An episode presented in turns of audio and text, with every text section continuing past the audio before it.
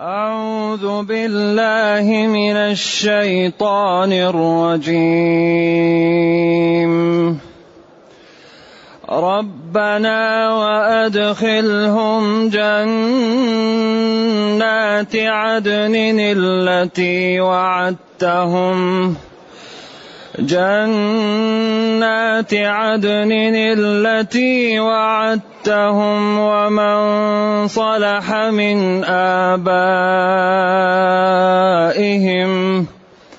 ومن صلح من آبائهم وأزواجهم وذرياتهم إنك أنت العزيز الحكيم. وقهم السيئات ومن تق السيئات يومئذ فقد رحمته فقد رحمته وذلك هو الفوز. وذلك هو الفوز العظيم. إن الذين كفروا ينادون لمقت الله أكبر من مقتكم أنفسكم إذ تدعون إلى الإيمان فتكفرون. قالوا ربنا أمتنا اثنتين وأحييتنا اثنتين. وأحييتنا اثنتين فاعترفنا بذنوبنا. فاعترفنا بذنوبنا فهل إلى خروج من سبيل؟ ذلكم بأنه إذا دعي الله وحده كفرتم ذلكم بأنه إذا دعي الله وحده كفرتم وإن يشرك به تؤمنوا فالحكم لله فالحكم لله العلي الكبير. هو الذي يريكم آياته وينزل لكم من السماء رزقا وما يتذكر إلا من ينيب. فادعوا الله مخلصين له الدين ولو كره الكافرون. رفيع الدرجات ذو العرش يلقي الروح من أمره على من يشاء. يلقي الروح من أمره على من يشاء من عباده لينذر لينذر يوم التلاق يوم هم بارزون لا يخفى على الله منهم شيء. لا يخفى على الله منهم شيء. لمن الملك اليوم؟ لمن الملك اليوم لله الواحد القهار. الحمد لله الذي أنزل إلينا أشمل كتاب وأرسل إلينا أفضل الرسل وجعلنا خير أمة أخرجت للناس فله الحمد وله الشكر على هذه النعم العظيمة والآلاء الجسيمة والصلاة والسلام على خير خلق الله وعلى آله وأصحابه ومن اهتدى بهداه أما بعد فإن الله تعالى يذكر في هذه الآيات ما أعد للمتقين ويخوف أهل الكفر ويبين عظمة المؤمن عند الله تعالى حيث أمر ملائكته المقربين أن يدعون لهم أن يدعوا لهؤلاء. ربنا وسعت كل شيء رحمة وعلما فاغفر للذين تابوا. واتبعوا سبيلك. اغفر لهم ذنوبهم وامحو عنهم سيئاتهم وقهم اصرف عنهم عذاب الجحيم. ربنا يا ربنا وادخلهم جنات عدن. جنات جمع جنة وعدن درجة أو المسكن. عدن في المكان إذا سكن. جنات السكنى والمسكن التي وعدتهم. الله وعد أن من يتقيه يدخله الجنة. قال أوفوا بعهدي أوفي بعهدكم وقال إن الله اشترى. وقال فاستبشروا ببيعكم. نعم. أدخلهم جنات عدن التي وعدتهم في الدنيا. أنهم إن استقاموا وأطاعوا وابتعدوا عن العصيان ينالون هذا الجزاء العظيم الوفير ومن صلح من آبائهم. وأزواجهم وذرياتهم. قال العلماء يقول يا ربي زوجي يا ربي أبي يا ربي ولدي يا ربي ولد ولدي. يقولون له الملائكة هؤلاء ما عملوا عملك. ودرجتهم أقل من درجتك. يقول يا ربي كنت أعمل لنفسي ولهم. فيقول الرب الحقوهم بهم. ولذلك قال والذين آمنوا واتبعتهم ذريتهم إيش؟ بإيمان ألحقنا بهم ذرياتهم أو ذريتهم وما نقصناهم من عملهم من شيء. ما ألتناهم من عملهم من شيء. إذا هؤلاء المتقون لفضلهم عند الله ومكانتهم المقربون من الملائكة يدعون لهم. وأدخل من صلح من آبائهم وأزواجهم وذرياتهم. إذا يلحق بهم أقرباؤهم الذين دخلوا الجنة. ترفع مكانتهم لهم. إنك إن الله أنت لا غيرك العزيز الغالب الحكيم الذي تضع الأمور في مواضعها. ولذلك الحقيقة أن العقلاء لا عذر لهم بعد هذا البيان. كل ما نحتاجه بين وطرق الخير وطرق الشر وطرق النجاة وطرق العزة وطرق الفوز كل شيء بين. ولذلك نحن في الدنيا نقرأ هذا لا عذر لنا يوم القيامة. فينبغي لنا أن نشمر ونجتهد وأن ننجو بأنفسنا. بعدين قال ومن صلح من آبائهم لأن الأول الأب وأزواجهم لأنهم قبل الأبناء وأبنائهم وذرياتهم. ومن صلح من آبائهم وأزواجهم وذرياتهم إنك أنت يا ربي العزيز الغالب الحكيم الذي تضع الأمور في مواضعها. ثم قال وقهم وقاه يقيه إذا أبعد عنه الشيء.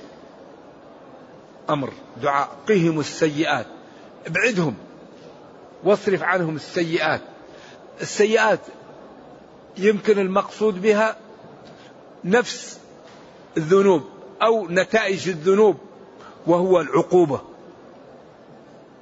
لأن السيئات هنا محتملة لنفس ابعدهم عن الذنوب. أو ابعدهم عن نتائج السيئات وهي ما لا؟ العقوبة. وهذا أسلوب معروف لأنه يقول جرى النهر. جرى النهر لا يجري وإنما يجري الماء في النهر. النهر هو الشق الذي يكون في الأرض. فلما كان الماء في النهر عبر عن عن المحل بالحال فيه. وهذا أسلوب عربي معروف. كما قال تعالى وآتوا اليتامى أموالهم. اليتامى هنا باعتبار ما كان لأنه قال حتى إذا بلغوا النكاح فإن آنستم منهم رشدا فادفعوا إليهم أموالهم. وقال إني أراني أعصر خمرا أي ما يؤول إلى الخمر أي عصيرا. باعتبار ما سيكون أو باعتبار ما كان. وهذا أسلوب عربي معروف. نعم. والقرآن نزل بلسان عربي مبين. إذا وقهم السيئات أبعدهم عن العقوبة. عن جزاء السيئات وهي العقوبة. ومن تقي السيئات ومن تبعد عن السيئات أي عن جزائها يومئذ يوم القيامة فقد رحمته فقد أكرمته ولطفت به. وذلك الإبعاد عن العقوبة يوم القيامة والرحمة التي هي دخول الجنة الفوز العظيم. ذلك هو الفوز ذلك الفوز العظيم. ولذلك الفوز هو أن يأمن الإنسان مما يخاف ويدرك ما يرغب فيه. وأجمع كلمة للخير الفوز. قال تعالى فمن زحزح عن النار وأدخل الجنة فقد فاز. فقد فاز. إذا ومن تق السيئات يومئذ يوم القيامة تبعده عن الذنوب وتدخله الجنة وتؤمنه فذلك الذي رحمته وذلك الفوز المبين. الأمن مما تخاف وإدراك ما ترغب. ثم بين أيوة الفوز الكبير العظيم الكبير. ثم بين أن الذين كفروا يوم القيامة ينادون عند ما يكرهون أنفسهم أو يكرهون من معهم من أهل النار الذين كانوا سببا في ضلالهم.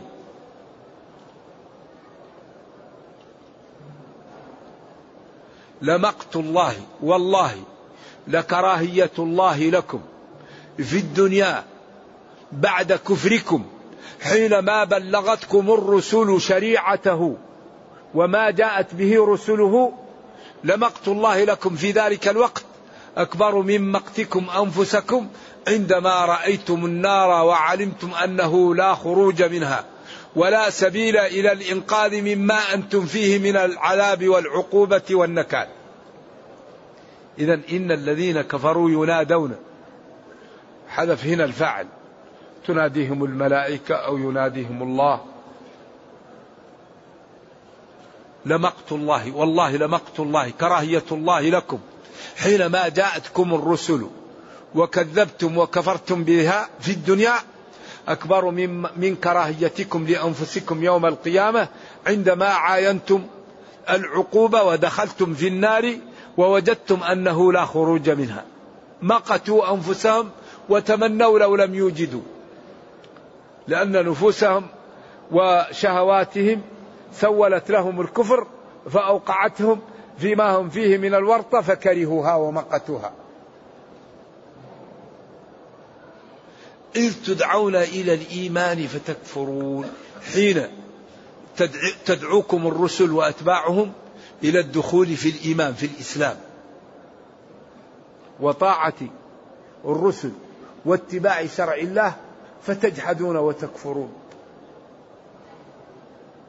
إذا هذا يقال لنا ونقرأه ونحن في الدنيا. أليس من العيب ومن الخطورة أن لا نحاول أن لا نكون من هؤلاء الذين حقت عليهم كلمة ربك؟ هذا يقال لنا ونحن في الدنيا فحري بنا أن نبتعد عن ذلك. وأن لا نكون من أهل النار. نرجو الله السلام والعافية. قالوا هؤلاء الكفار ربنا يا ربنا أمتنا اثنتين وأحييتنا اثنتين. أقوال للعلماء. لكن الذي يترجح الموتة الأولى هي ما كان عليه قبل أن ينفخ فيه الروح. سواء قلنا في الأصلاب أو بعد أن تكون النطفة تتكون فقبل أن ينفخ فيها الروح كأنها كانت ميتة. ثم حيا بعد ذلك. ثم مات وذهب للقبور ثم حيا بعد ذلك يوم القيامة. ولذلك قال الذي يميتكم ثم يحييكم ثم يميتكم ثم إليه ترجعون. هو الذي خلقكم من الآية. يحييكم ثم يميتكم ثم يحييكم ثم إليه ترجعون. قيل الإماتة الأولى هو ما كان قبل أن تنفخ فيه الروح. هل المقصود بها أطوار الجنين أو المقصود بها المدة الموجودة كلها قبل أن ينفخ فيها الروح؟ أقوال للعلماء. وأقوى شيء أنها أطوار الجنين فالطور الأول قبل أن ينفخ فيه الروح كان كأنه ميت. ثم نفخ فيه الروح فحي فهو نطفة تو التقى الحيوان بالبويضة يجلس مدة ما له حياة. حياة غير حياة. فإذا نفخ فيه الروح أصبح إيش؟ تحرك له حياة. أما الحياة الأولى كالخلية كالجسم ما تعتبر حياة كاملة. ثم يميتكم في قبوركم ثم يحييكم إلى أش ثم إليه ترجعون بعد الحياة الأخيرة. قالوا يا ربنا أمتنا اثنتين وأحييتنا اثنتين. والآن اعترفنا بذنوبنا. فهل إلى خروج من سبيل؟ فهل لنا أن نخرج أو نعود للدنيا لنتوب أو نعمل شيء؟ فهنا الكلام فيه إيجاز. كأن الكلام قال لا خروج لكم ولا ذهاب عن النار. لماذا؟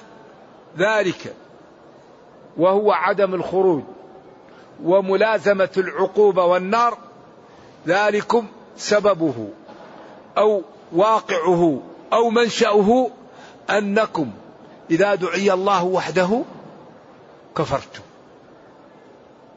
إذا قيل لا إله إلا الله وحده لا شريك له كفروا وأنفوا. وإن, وإن يشرك بالله تعالى وتدعى الأنداد والأوثان تؤمنوا وتنشرحوا وتصدقوا. فالحكم لله. فالحكم لله العلي الكبير. الحكم لله. وقد حكم أنكم لا تخرجون من النار وأنكم من عذاب إلى عذاب وأنه لا يعذب إلا بعد قيام الحجة على خلقه. وذلك كله حصل لكم وقد حكم بالخلود لكم في النار وهو العلي الكبير. فحكمه نافذ ولا راد لقضائه. نرجو الله السلام والعافية. هو الله جل وعلا الذي يريكم يبصركم سواء بصرية أو قلبية أو هما معا. آياته المنظورة والمعقولة. الشمس والقمر والنجوم والشجر والدواب والجبال والألوان والبحار ايات لا تنتهي. أريكم آياتي هذا الليل كيف يأتي؟ نهار وفجأة يكفي الأرض الظلام وفجأة يكسي الأرض الضياء. هذه الجبال حمر وبيض وسود هذا الخلق ألوان وألسن مختلفة وكل واحد مصبوب صبة تختلف عن الآخر. لذلك المصور الخالق لا يشتبه أثنان في الغالب كل واحد شكل العينين والأنف والفم في محل وكل واحد يختلف عن الثاني. أفمن يخلق كمن لا يخلق. يوضح لكم آياته وما يتذكر وينزل لكم من السماء رزقا. هنا نبه على قدرته وعلى لطفه بخلقه. ينزل لكم من السماء المطر فتنبت به الأرض فيكون الرزق. فإذا نبت العشب جاء الحليب والأقر والثمار والأشجار والفواكه وأنواع الحبوب. ينزل لكم من السماء مطرا يكون به الرزق. أو ينزل من عنده الرزق يكتب لهم الرزق فينزل بسببه المطر. اذا من هذه قدرته ومن هذه نعمه ومن هذه أوصافه تنتهك نواهيه وتعطل أوامره. أليس هذا عيبا؟ أليس هذا انكارا للجميل أليس هذا إدخال العاقل نفسه في خطورة؟ وينزل لكم ينزل الله لكم أيها الخلق من السماء السماء كل ما علاك. وقد يسمى كل مرتفع سماء وإنما الفضل حي الشمس والقمر الذي هو العلو رزقا مطرا. وغير ذلك مما يكتب وينزل. وما يتذكر إلا من ينيب. يتذكر قدرة الله وعقابه وما أعده للمتقين إلا من ينيب يرجع إلى طاعة الله ويبتعد عن معصية الله. ثم قال فادعوا الله مخلصين له الدين. وما يتذكر إلا من ينيب. فادعوا الله. اذا هنا كأن الفاء مومئة إلى من يتذكر وإلى من ينيب. إذا يا من يتذكر ويا من ينيب ادعوا الله. لأن أكبر سبب في الفلاح دعاء الله. فادعوا الله. في حال كونكم في ذلك الدعاء مخلصين. له الدين له العبادة. له الطاعة. له ما حرم على غيره أن يدعى به. لا يعبد إلا الله لا تصح العباده إلا الله. والدعاء هو العبادة. ادعوا الله. سواء كان دعاء مسألة أو دعاء عبادة أو هما معا. مخلصين. يعني قلوبكم ونياتكم ما فيها غير الله. هذه العبادة لإخلاص فيها لله. لا تعبد الله لأجل أن تنال شهادة أو وظيفة أو مرتبة أو صحة. أعبد الله لأن الله أمرك بعبادته والأمور تأتي. فإذا عبدت الله لأجل شيء يعطيك شيء لكن ما يكون لك الأجر. لأن الله يعطي الإنسان على نيته. إنما الأعمال بالنيات. بعض الناس يصلي ليجد مالا. لأن الله قال وأمر أهلك بالصلاة واصطبر عليها. لا نسألك رزقا نحن نرزقك. فبعض الناس يحب الرزق يصلي عشان يعطيه مال. إذا هذه الصلاة يحصل منها المال لكن لا يجد لها أجرها. بعض الناس يصلي لأجل الله الله يرزقه المال ويرزقه الأجر. لذلك الصحابة نبينا قال وجعل رزقي تحت ظل رمحي. لكن لا يقاتل لأجل لأجل الغنيمة. لا يقاتل لأجل إعلاء كلمة الله. فتأتي الغنيمة تبعا. بعض الناس يكون إماما ليؤم المسلمين وليدير شريحة من المسلمين ويعلمهم ويرقيهم في الإسلام. ويكون المال تبعا. فلا يضر لو يأخذ المال. بعض الناس يكون إمام ليأخذ الراتب. ليأخذ المال. فهذا ما يكون له أجر. لذلك إنما الأعمال بالنيات. فيحاول المسلم أعماله يجعلها لله فإذا كان فيها أمر دنيوي ما يضر لكن ما يكون قصد الأمر الدنيوي. بعض الناس يكون مؤذن. لأن أطول الناس أعناقا يوم القيامة المؤذنون. لولا الخليفة لكنت امرأ مؤذنا عمر يتمنى أن يكون مؤذنا. لأنه يقول الشهادتين ويسمعها كل الناس ويشهدون له. فإذا كان المؤذن يؤذن لأجل أن يؤذن ويسمع الشهادة له الأجر. إذا كان يؤذن لأجل إيش؟ لأجل المنفعة تكون له المنفعة. إذا قال إنما الأعمال بالنيات وإنما لكل امرئ ما نوى. فمن كانت هجرته إلى الله ورسوله فهجرته إلى الله. ومن كانت هجرته لدنيا يصيبها وامرأة يتزوجها ينكحها فهجرته إلى ما هجر إليه. إذا لابد أن نجتهد لنصلح أعمالنا. لأن هذا الشيء في قلبك وفي نيتك. نصلح أعمالنا فتكون كل عمل نأخذ فيه الدرجة الكاملة. أما إذا كانت أعمالنا غير خالصة وفيها رياء وفيها سمعة وتخالطها أمور تكون منخوبة يكون الأجر فيها قليل. وهذا فائدة العلم لأن هذا الذي يخلصه ويوضحه ويفرقه العلم هو الذي يجعل العمل تأخذ درجته كاملة العلم. العلم صاحبه إذا لم يخلص لله يخاف إذا نافق يخاف. إذا رأى يعلم ويخاف إذا جاءه الشيطان يعلم أنه الشيطان. أما غير المتعلم إذا جاءه الشيطان لا يعرف أنه الشيطان. الفرق بين المتعلم وغير المتعلم أن المتعلم إذا جاءه الشيطان يقول له الله يلعن كان أبصر بنفسه وغير المتعلم إذا جاءه الشيطان ما ينتبه. يأتيه الشيطان ويقول له أنا الرسول صلى الله عليه وسلم افعل كذا وكذا. المتعلم يقول لا بسم الله. هذا الشيطان لأن الرسول لا يأمر بما لا يجوز والله لا يأمر بالفحشاء. ذلك و و ونبينا قال إن الرسول ما لم يقل إن الرسول لا يكذب علي قال إن الشيطان لا يتمثل بي. من رآني فقد رآني. لكن يمكن يجيك الشيطان في صورة أخرى ويقول لك أنا الرسول أعمل أعمل أنا الله. وكم من ناس ضل لهم الشيطان.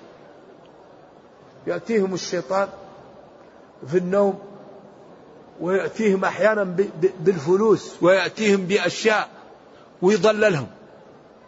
يقال أن السيد عبد القادر الجيلاني كان يتعبد في سطح داره رواية الله أعلم بحالها وخرج له صوت من نور من السماء في آخر الليل وقال له أنا ربك أسقطت عنك التكاليف. قال اخسأ يا لعين. فانقلب النور دخانا. فقال له بما عرفت؟ والله لقد أضللت قبلك سبعين شيخا. قال عرفتها بكتاب الله أنت تقول أسقطت عنك التكاليف ونبينا يقول لا نبي بعدي. علمت أن هذا الشيطان. ولذلك بعضهم يقول واعبد ربك حتى يأتيك إذا أيقنت أترك العبادة. هذا كلام ضلال هذا.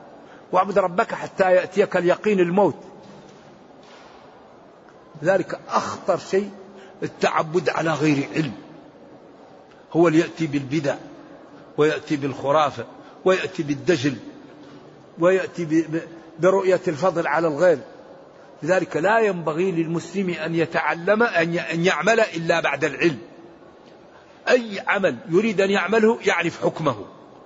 ولا يحل له أن يفعل فعلا حتى يعلم حكم الله فيه ويسأل العلماء حتى يأخذ الدرجة كاملة في هذا العمل. واحد الآن يقول لك يا أخي أنا أريد أن نعمل أذكار أذكر الله بما شرع أعبد الله بما شرع. لا تعبد الله بشيء لم يشرعه. أنت عبد لله. والله يقول اتبعوا ما أنزل إليكم. نحن الآن لو إنسان في النهار في الصباح نشيط قال أنا نشيط ربي فرض علي ركعتين أنا أريد نضيف لها ركعتين. ما رأيكم؟ هل يجوز هذا؟ قل أنا نشيط وربي فرض علي ثنتين أنا نضيف عليها ثنتين. هل يجوز هذا؟ هذا تبطل الصلاة لأنه زاد في الصلاة ما ليس منها كذلك العبادة كذلك الأذكار. كل الدين محدد من الله. أذكر الله بما شرع كل شيء مبين. وأعمال اليوم والليلة من, من بعد ما ما تستيقظ قبل الفجر إلى أن تنام في الليل كل شيء مبين. عمل اليوم والليلة لابن السني للنسائي الأذكار للنووي رياض الصالحين له. ما لا تقول إذا خرجت من البيت؟ ما لا تقول إذا رأيت مبتلا؟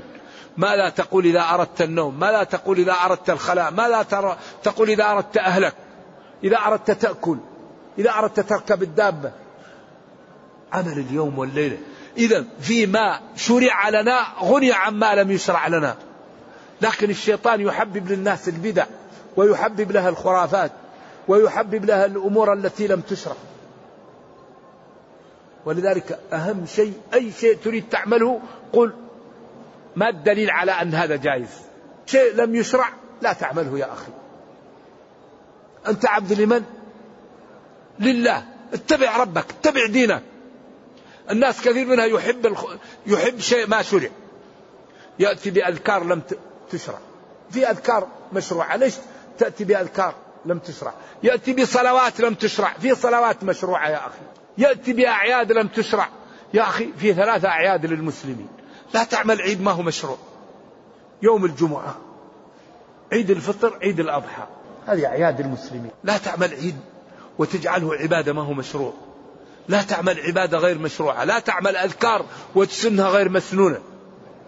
ادعو الله بما شئت لكن لا تجعله سنة وهو ما هو السنة جائز أن تدعو الله. وقال ربكم ادعوني أستجب لكم. لكن لا تخترع أدعية وتجعلها السنة وتوزعها بين الناس. هذا مشكل لذلك الدين بالاتباع. عبد الله بن مسعود وجد رجلا واقف في المسجد يقول لهم اذكروا الله سبعين مرة. قال والله لقد سبقتم أصحاب رسول الله أو ضللتم. ما كنا نعرف هذا. إما أنكم سبقتم الصحابة أو ضللتم ما كنا نعرف هذه الأمور. اذكر الله مئة مرة عشرين مرة. لا. ولذلك أغلب ما يقال مجالس الذكر لماذا؟ لطلب العلم. الذكر لطلب العلم والمذاكرة ومعرفة الواجب والحرام والدين. أما الذي يذكر الله المقصود ذكر الله الإنسان يذكر الله بمفرده.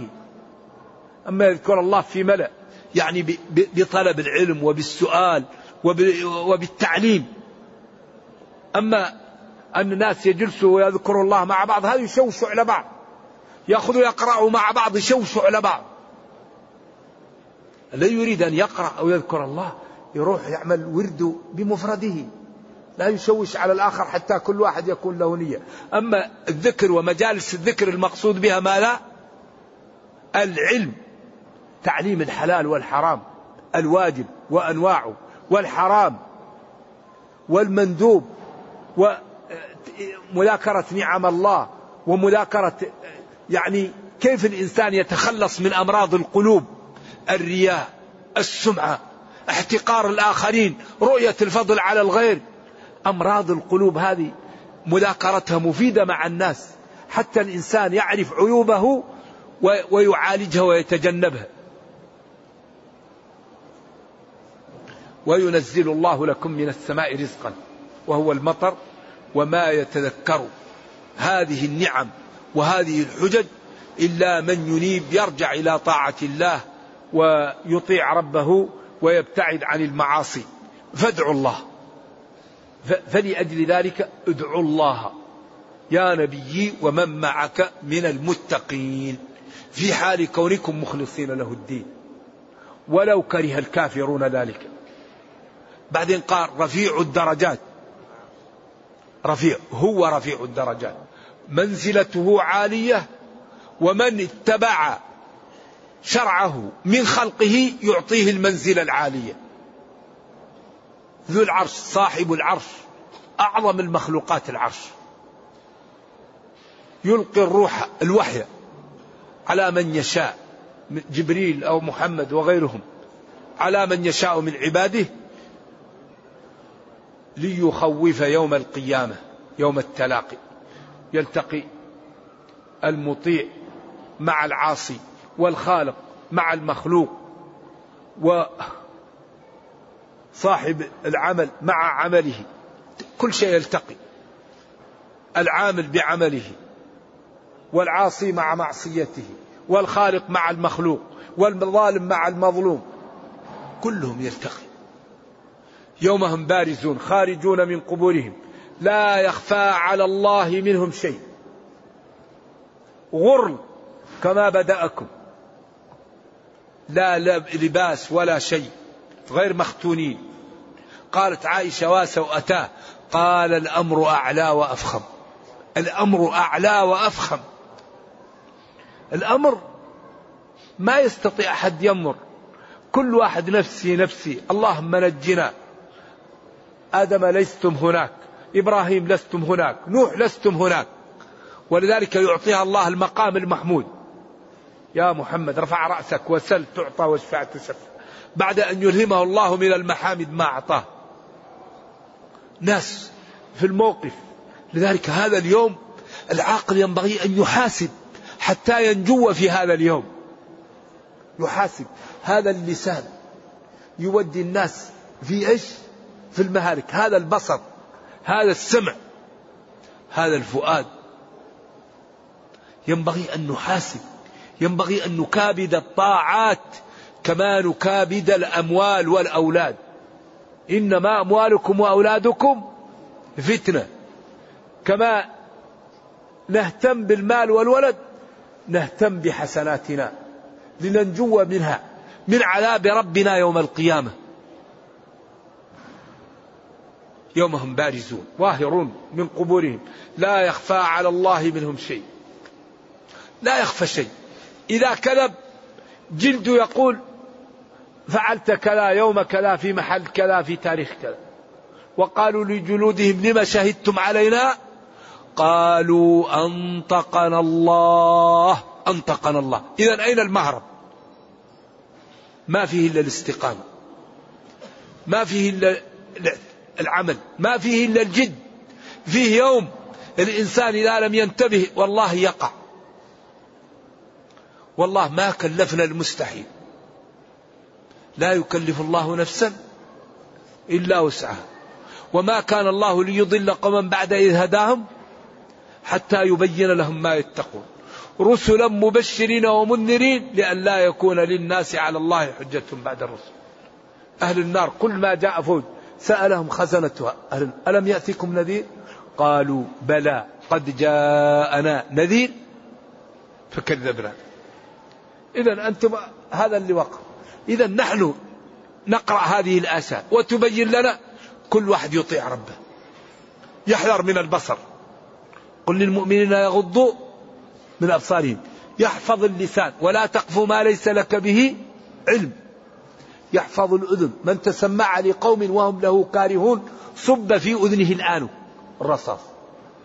يحذر اليد الرجل البطن الفرد. هذا الجسم يحفظه. يكابد الطاعة. يشكر نعم الله بأنه لا يستعمل جسمه إلا في شكر الله.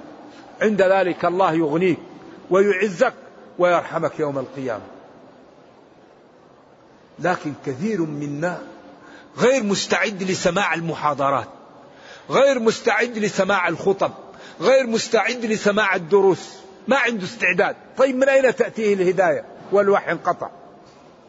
إذا كان الواحد لا يستعد ليستمع لدرس أو لخطبة أو لمحاضرة. طيب من أين تأتي الهداية؟ ونبينا يقول لا نبي بعدي. ولذلك الله يقول فبشر عبادي إيش؟ الذين يستمعون القول. يستمعون يطلبون القول فيتبعون أحسن ما يسمعون. أولئك الذين هداهم الله وأولئك هم أولو العقول. أما الذي يحاول لا يتعلم ولا يقرأ ولا يبالي فهذا اعماله كلها تكون خطأ. وتكون يعني عباداته أجرها ناقص. العبادة لا تقبل إلا إذا كانت على المواصفات المطلوبة. أي عبادة عملت على غير المواصفات المطلوبة يكون أجرها ناقصا أو معدوما. إذا لا بد أن نعطي وقتا لديننا. كل واحد منا لابد أن يعطي وقت ليعلم ما الواجب ما الحرام ما الأوامر ما النواهي. كيف نتعلم؟ كيف ننجو؟ لابد كل واحد منا يعطي وقت لدينه. كما أننا نعطي وقت لأموالنا وأولادنا. لمن الملك اليوم؟ لمن الملك اليوم يوم القيامة؟ يقول الله لله الواحد القهار لأن كل الخلق ما في. اليوم تجزى كل نفس بما كسبت. لا ظلم اليوم إن الله سريع الحساب. اليوم يوم القيامة. تجزى تكافئ. كل نفس منفسة ما كسبت ما علمت. لا ظلم اليوم. إن الله سريع الحساب إذا حاسب. ولذلك هل بعد هذا من عذر؟ اليوم يوم القيامة تجزى تكافأ وتعطى. كل نفس ما كسبت. إن خيرا فخير وإن شر شر. وكل إنسان ألزمناه طائره في عنقه ونخرج له ويخرج له.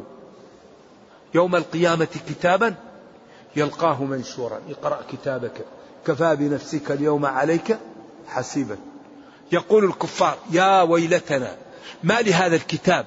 لا يغادر صغيرة ولا كبيرة إلا أحصاها. ووجدوا ما عملوا حاضرا ولا يظلم ربك أحدا. إذا ما الحل؟ الحل أن الإنسان ينضوي تحت شرع الله ويكون عبدا لله. الحل أن الله جعل بينه وبين عبيده صفقة. أن نوفوا بما بما يعني كلفنا به ربنا. قال أوفوا بعهدي أوفي بعهدكم. إن الله اشترى. الحل أننا ندفع الثمن لنأخذ السلعة. أما نريد أن نأخذ الثمن والمذمول ما حصل. أوفوا بعهدي أوفي بعهدكم. إن الله اشترى اشترى. فاستبشروا ببيعكم. نحن نريد أن نأخذ الثمن والمذمول لا. ندفع الثمن ونأخذ المذمول وربنا كريم كريم كريم. ولا يضيع أجر من أحسن عملا. فمن نسي يسامح ومن نام يسامح. ومن اضطر يسامح ومن تاب يسامح والحسنة بعشر أمثالها والسيئة بواحدة ولا يهلك على الله إلا هالك. والذنوب يغفرها جميعا. فنتوب إلى الله ونفتح صفحة جديدة مع ربنا ونترك الكسل ونجتهد ونكون كل واحد منا مسلم متقي فاهم؟ كل واحد منا يتصف بهذه الأوصاف الثلاثة. يكون مسلما متقيا فاهما. وما أراده يعطيه الله له وما خاف منه آه، حماه الله منه.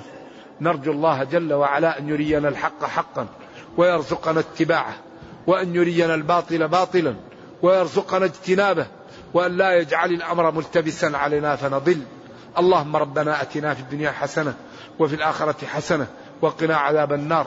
اللهم اختم بالسعادة آجالنا واقرم بالعافية غدونا وآصالنا واجعل إلى جنتك مصيرنا ومآلنا يا أرحم الراحمين. سبحان ربك رب العزة عما يصفون وسلام على المرسلين والحمد لله رب العالمين. وصلى الله وسلم وبارك على نبينا محمد وعلى آله وصحبه. والسلام عليكم ورحمة الله وبركاته. هل الإنسان إذا كان من أهل الإسلام وكثرت عليه ذنوب الكبائر يخلد في النار؟ لا يخلد في النار من في قلبه مثقال ذرة من إيمان. أبدا. الذي يخلد في النار الكفار هذا مذهب ضال. الذي يقول إن أهل الكبائر يخلدون في النار هذا مذهب ضال. هل يكون من الناس غير كافر مخلد في النار؟ لا.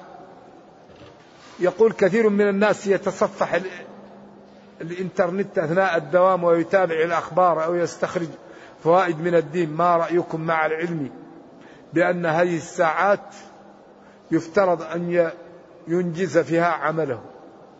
نعم ينبغي أن يكون صاحب العمل وقت العمل يقوم بما عليه. نعم ولذلك قال يا أيها الذين آمنوا أوفوا بالعقود. أنت أي واحد في عمل بينه وبين صاحب العمل سواء كانت جهة اعتبارية أو أو شخص عقد. فينبغي أن أن أن الإنسان يوفي بعمله.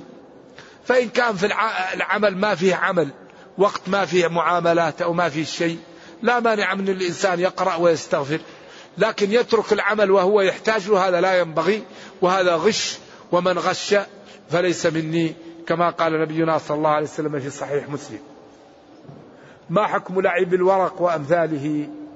ولعب الورق هذا ضياع الوقت ولا ينبغي للمسلم أن يضيع وقته. إذا لم يكن فيه فلوس فإن كان فيه فلوس فهو قمار. والورق شبيه بالنردشير. النردشير هو الورق هذا البلوت. وهذا أمر لا ينبغي للعاقل أن يلعبه. يقرأ قرآن. يقرأ أحاديث يروح يبيع ويشتري يزور مريض يحاول أن يساعد آخر أما عاقل يجلس ليضيع وقته هذا ضعف همة. عاقل الله أعطاه عقل يجلس ليميت وقته هذا لا ينبغي لأهل المروءات. أصحاب المروءات يشتغلون لدينهم أو لدنياهم. المسلم يشتغل لدينه أو لدنياه. أما يشتغل ليضيع وقته بدون فائدة هذا لا يفعله العقلاء. نرجو الله السلام والعافية.